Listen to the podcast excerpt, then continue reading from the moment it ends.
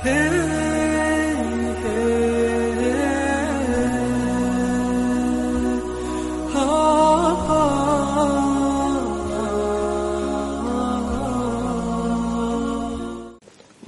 الطالبين لله تعالى.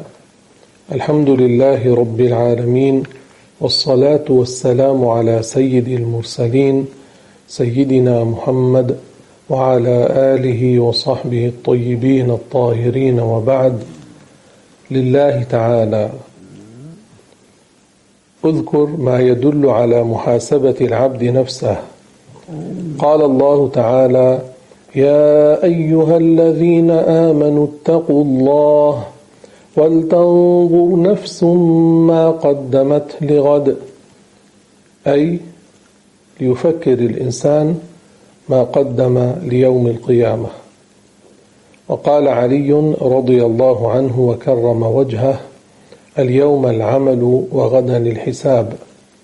قال رضي الله عنه ارتحلت الدنيا وهي مدبرة وارتحلت الآخرة وهي مقبلة أي سارت.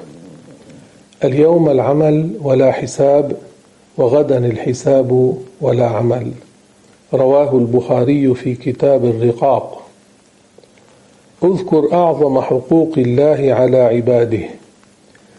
اعلم أن أعظم حقوق الله تعالى على عباده هو توحيده تعالى وألا يشرك به شيء. أفضل عمل هو الإيمان بالله والرسول كما قال رسول الله صلى الله عليه وسلم. أفضل الأعمال إيمان بالله ورسوله. عليه الصلاة والسلام. فلا شيء أفضل من الإيمان بالله والرسول. لا الصلاة ولا الصوم ولا الزكاة ولا الحج ولا صلة الرحم ولا بر الوالدين ولا الإصلاح بين الناس المتخاصمين. كل ذلك ليس أفضل من الإيمان بالله والرسول. ومن مات وهو يؤمن بالله ورسوله سيخلد في الجنة. أما من مات على الكفر فإنه سيخلد في جهنم مهما كان محسنا في هذه الدنيا. قال الله تعالى ومن يعمل من الصالحات من ذكر أو أنثى وهو مؤمن وهو مؤمن فأولئك يدخلون الجنة. إذا الذي يدخل الجنة هو المؤمن. أما الكافر فلا يدخل الجنة مهما كان أحسن في هذه الدنيا. لأن الإشراك بالله هو أكبر ذنب يقترفه العبد وهو الذنب الذي لا يغفره الله ويغفر ما دون ذلك لمن يشاء. قال تعالى إن الله لا يغفر أن يشرك به ويغفر ما دون ذلك لمن يشاء. ما دون الكفر ما دون الشرك الله تعالى قد يغفره لهذا العبد مهما كان ذلك الذنب كبيرا. وكذلك جميع أنواع الكفر لا يغفرها الله لقوله إن الذين كفروا وصدوا عن سبيل الله ثم ماتوا وهم كفار فلن يغفر الله لهم ما هو أقل شيء تحصل به النجاة من الخلود الأبدي في النار؟ قال رسول الله صلى الله عليه وسلم من شهد أن لا إله إلا الله وحده لا شريك له وأن محمدا عبده ورسوله وأن عيسى عبد الله ورسوله وكلمته ألقاها إلى مريم أي بشارته التي بشرها الملك أنها ستلد عيسى عليه السلام من غير أن تكون متزوجة برجل. الله تبارك وتعالى قادر على كل شيء. خلق عيسى خلقا في بطن مريم عليها السلام من غير نطفة رجل ولا امرأة. قال الله تعالى إن مثل عيسى عند الله كمثل آدم. خلقه من تراب ثم قال له كن فيكون. خلقه الله خلقا. أما من يقول والعياذ بالله إن عيسى هو ابن الله لأنه لا أب له فماذا يقول هذا القائل في آدم عليه السلام الذي ليس له أب ولا أم؟ وماذا يقول في حواء التي ليس لها أب ولا أم؟ الله تعالى خلقهما خلقا من غير نطفة رجل ولا امرأة وكذلك عيسى. فعيسى بشر وآدم بشر وحواء بشر وكل من خلق الله. سيدنا عيسى عليه السلام خرج من بطن أمه من, من حيث يخرج الناس. هو نبي رسول كريم على الله. ليس إلها. قال الله تعالى كانا يأكلان الطعام عن عيسى وأمه الذي يأكل الطعام ويدخل الخلاء وينام ودخل الكتاب في صغره عليه السلام. تكلم في المهد لكن رجع وسكت ثم دخل الكتاب تعلم القراءة والكتابة. فهذا لا يجوز أن يكون إلها. وكلمته ألقاها إلى مريم وروح منه والجنة حق. وروح منه معناه أن روح عيسى عليه السلام صادرة من الله خلقا وتكوينا. ليس معناه أن روح عيسى عليه السلام جزء من الله. الجزء مخلوق والمركب مخلوق. الله سبحانه وتعالى شيء لا كالأشياء موجود لا كالموجودات. ليس له أبعاض ليس له أجزاء. الله تعالى خلق الأجزاء وخلق الأبعاض وخلق الأجسام. الجسم ما تركب من جوهرين فأكثر. فالله تعالى لا يقال عنه روح ولا يقال عنه جسد. فهذا اللفظ الذي جاء في هذا الحديث وروح منه معناه أن روح عيسى مشرف عند الله وأن روح عيسى خلق من خلق الله. أليس نقول عن المساجد بيوت الله نقول المسجد بيت الله معناه مكان يعبد فيه الله. ليس معناه أن الله يسكنه.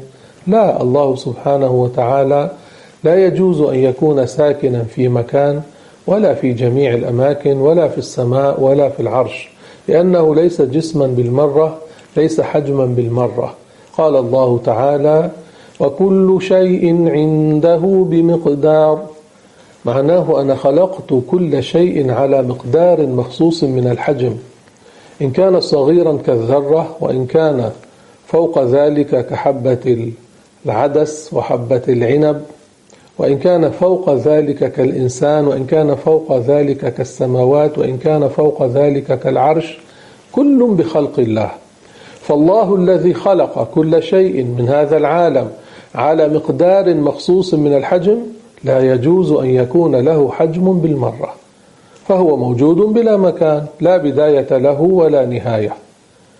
الشيء الذي له مكان له جهة يكون حجما. الله خالق الأحجام كيف يكون له مكان؟ كيف تكون له جهة؟ جهة فوق وتحت ويمين وشمال وأمام وخلف بالنسبة إلى ذات الله على حد سواء. لأن الله سبحانه وتعالى ليس جسما ليس حجما. فلا يقال إن الله يسكن السماء أو يسكن العرش أو يسكن كل مكان.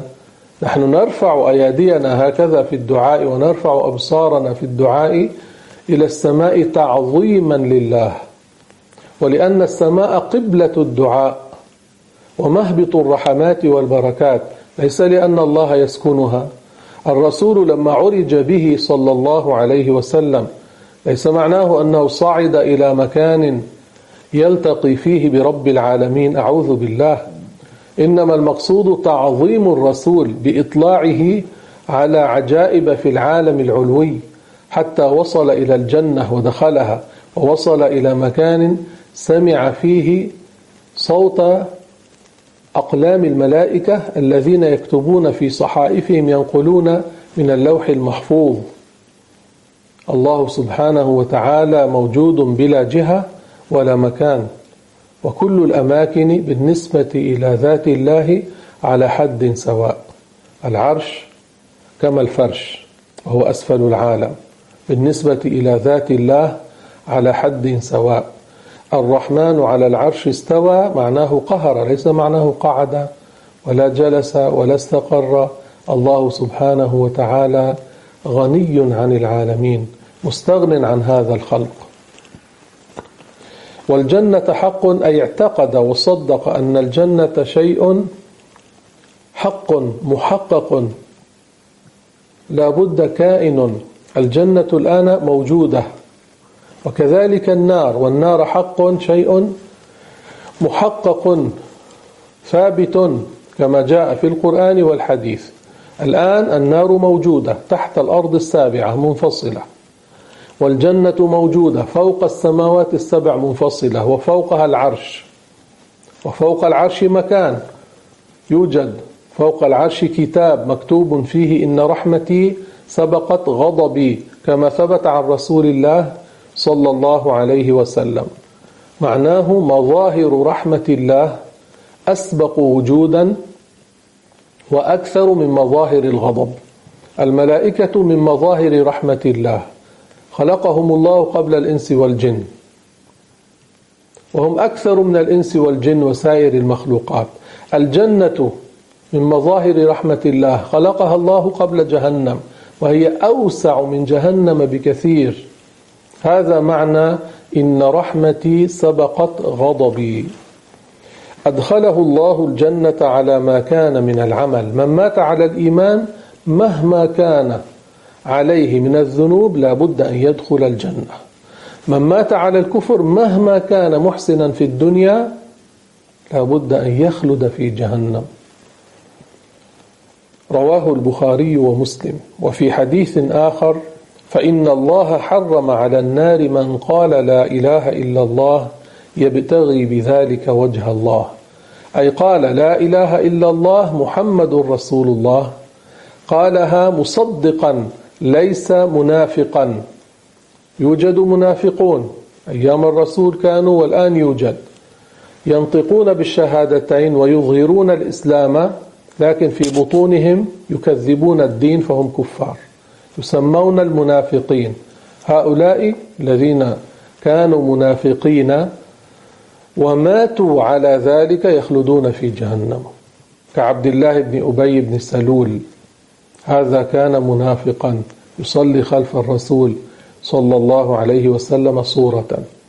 في آخر حياته طلب من الرسول رداء ليكون كفنا له. في آخر حياته ظهرت منه أشياء ظن الرسول أنه زال عنه النفاق. فلما مات صلى عليه الرسول ما كان يعرف أنه مات منافقا. الرسول لا يصلي على كافر وهو يعلمه كافرا لا يفعل ذلك. فلما حصل هذا نزلت الآية. ولا تصل على أحد منهم مات أبدا ولا تقم على قبره. وهذا دليل أن الرسول لا يعلم الغيبة الذي يعلم الغيب هو الله. وانتبهوا من يقول إن الرسول صلى على عبد الله بن أبي بن سلول وهو يعلمه منافقا كفر لأنه كذب الدين وجعل الرسول متلاعبا بالدين والعياذ بالله. رواه البخاري ويجب قرن الإيمان برسالة محمد بشهادة أن لا إله إلا الله. وذلك أقل شيء يحصل به النجاة من الخلود الأبدي في النار. يعني إذا إنسان مثلا قال أنا آمنت بالله ولا أؤمن بالرسول فهو كافر. فهو كافر. لا ينفعه قوله أنا أؤمن بالله. لا ينفعه تصديقه بوجود الله. المؤمن هو الذي يؤمن بالله ورسوله. ومن لم يؤمن بالله ورسوله فإنا أعتدنا للكافرين سعيرا. الذي لا يؤمن بالله ولا يؤمن برسول الله محمد صلى الله عليه وسلم فهذا كافر خالد في جهنم. قل أطيعوا الله والرسول فإن تولوا فإن الله لا يحب الكافرين. إذا الذي لا يؤمن بالله أو لا يؤمن بالرسول أو لا يؤمن بالله ولا بالرسول فهو كافر. والله لا يحب الكافرين. ليس كما يقول بعض الناس الله يحب الجميع لأنه خلق الكل. الله خلق الكل لكن لا يحب الكل. الله خلق كل شيء لكن هل يقال الله بما أنه خلق كل شيء فهو يحب كل شيء؟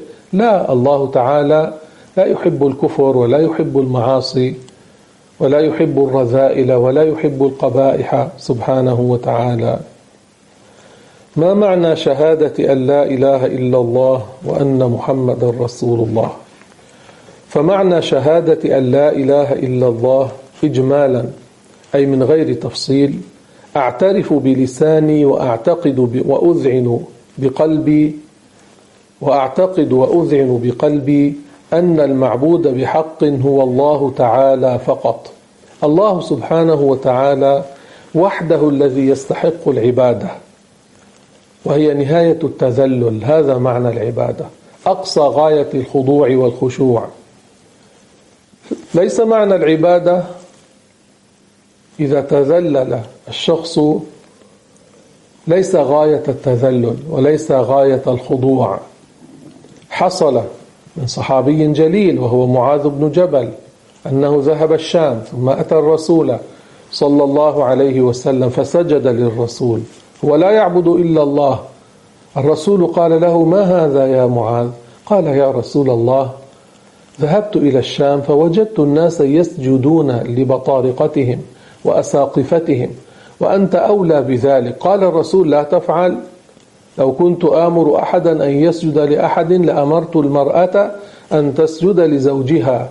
معناه هذا لا يكون إلا لله. وما قال له أنت كفرت مع أن هذا من مظاهر التذلل. لكنه ما تذلل للرسول نهاية التذلل عليه الصلاة والسلام. فإذا إنسان توسل برسول الله توسل بنبي توسل بالعمل الصالح توسل بالرجل الصالح لا يقال عنه عبد هذا الرجل. إذا إنسان تبرك بالنبي تبرك بقبر النبي تبرك بآثار النبي تبرك بالصالح بآثار الصالحين لا يقال عبدهم ولا يقال عنه قبوري. لا الرسول كان صلى الله عليه وسلم يرى الصحابة وهم يجتهدون في أن لا يسقط ماء وضوئه حين يتوضأ على الأرض يضعون أيديهم وهو يراهم. ليتبركوا به يتسابقون إليه. ولا ينهاهم بل يفرح لهم لأنهم يتبركون به عليه الصلاة والسلام. ومن لم يمس هذا الوضوء كان يأتي إلى صاحبه الذي مس ويمسح عليه. والرسول كما ثبت في البخاري ومسلم لما حج حجة الوداع وزع شعره بين الناس. كان الصحابة نحو مئة ألف. هذا يأخذ شعرة هذا يأخذ شعرتين. ليبقى بركة بينهم. ليبقى بركة بينهم. الرسول رآهم. بل هو الذي قال لأبي طلحة الأنصاري اقسم بين الناس. هو الرسول قال ذلك. فالرسول مبارك وشعره مبارك وآثاره مباركة.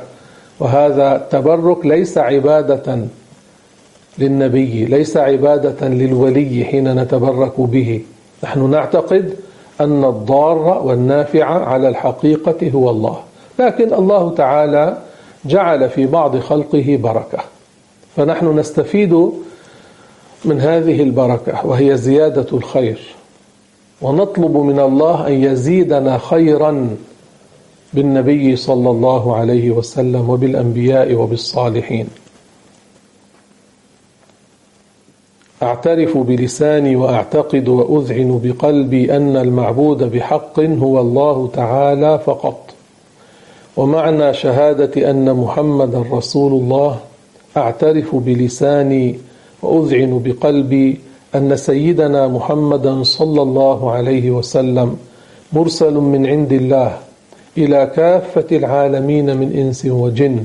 الله أرسل النبي محمدا إلى كافة العالمين من إنس وجن صادق في كل ما يبلغه عن الله تعالى.